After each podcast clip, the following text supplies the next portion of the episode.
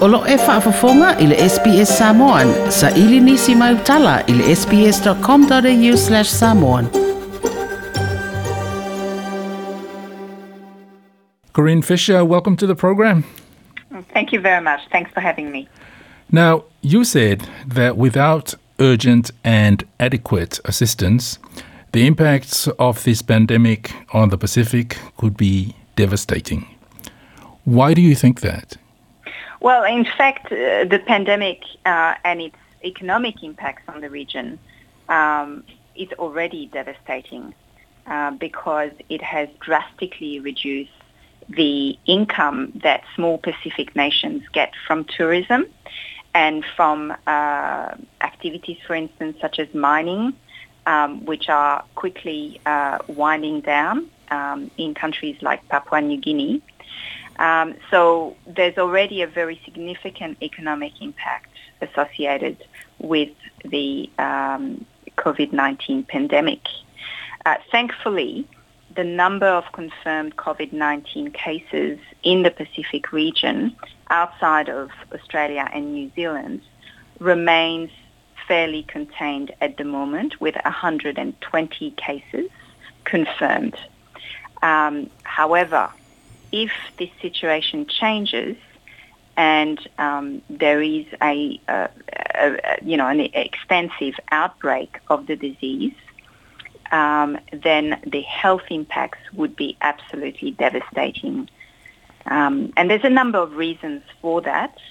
Um, one, um, these uh, small Pacific nations simply do not have the extensive uh, health system that country like Australia has access to. Uh, so the ratio of doctors and nurses uh, to patients uh, is vastly different in the small Pacific nations. They also don't have access to testing kits in many cases.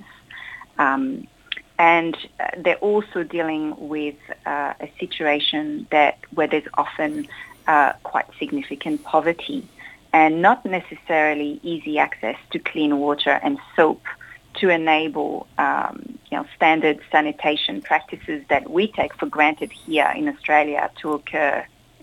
Um, there's also a high density of populations in some areas and uh, cultural practices such as uh, extended families uh, that um, make uh, the situation um, much more vulnerable in terms of uh, an outbreak of the disease. You, you said that, um, well, you mentioned that uh, these are countries with very weak or vulnerable healthcare systems. Mm. We saw in the uh, measles outbreak in Samoa as recently as last year mm. how um, some of these uh, outbreaks can get out of control very quickly. What they've learned from the measles outbreak in Samoa is the importance of social distancing.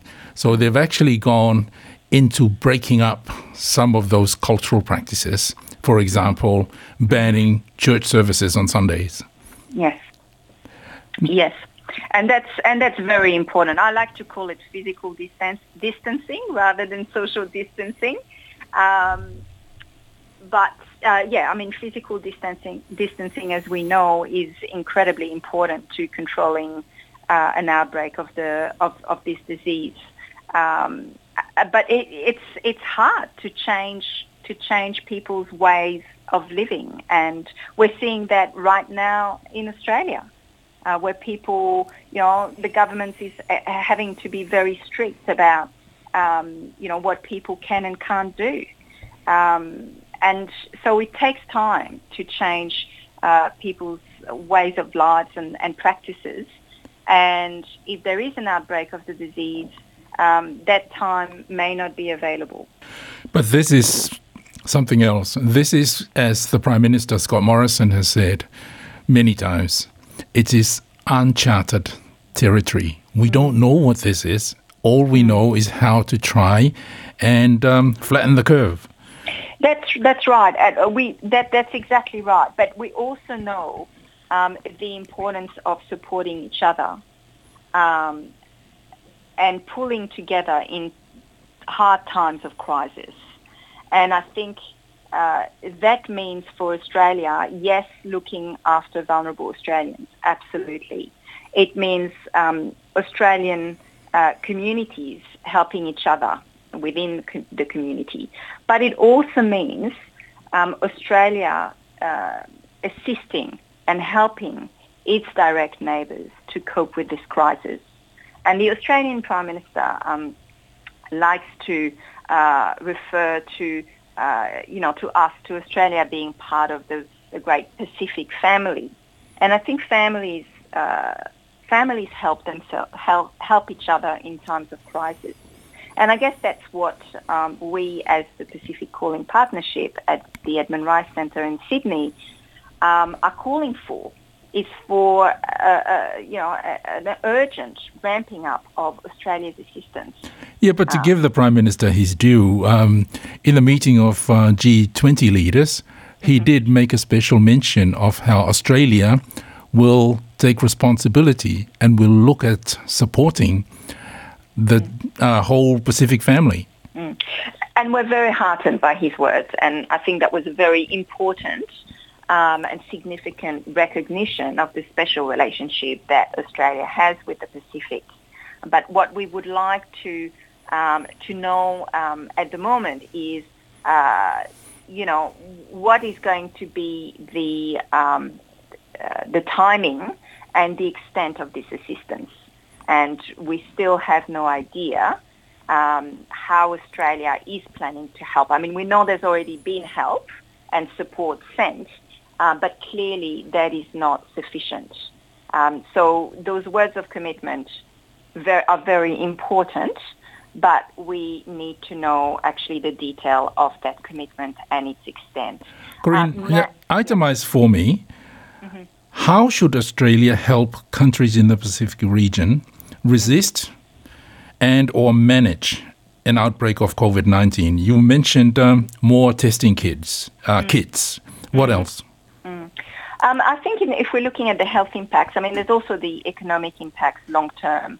But um, if we focus on the health impacts, um, we're talking about um, testing kits, technical assistance to uh, to actually um, use those kits, you know, effectively.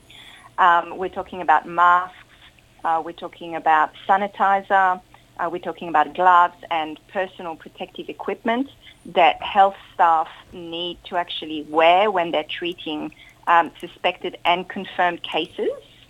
And if there is an outbreak, we're also potentially talking about sending medical um, medical staff to actually assist with the outbreak.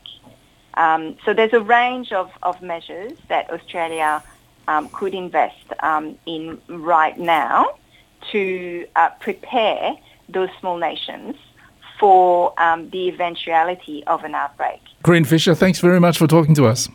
Thank you very much. Thank you for having me. Like, share, mafaali sa ufinangalo, muli muli ile SBS Samoan ile Facebook.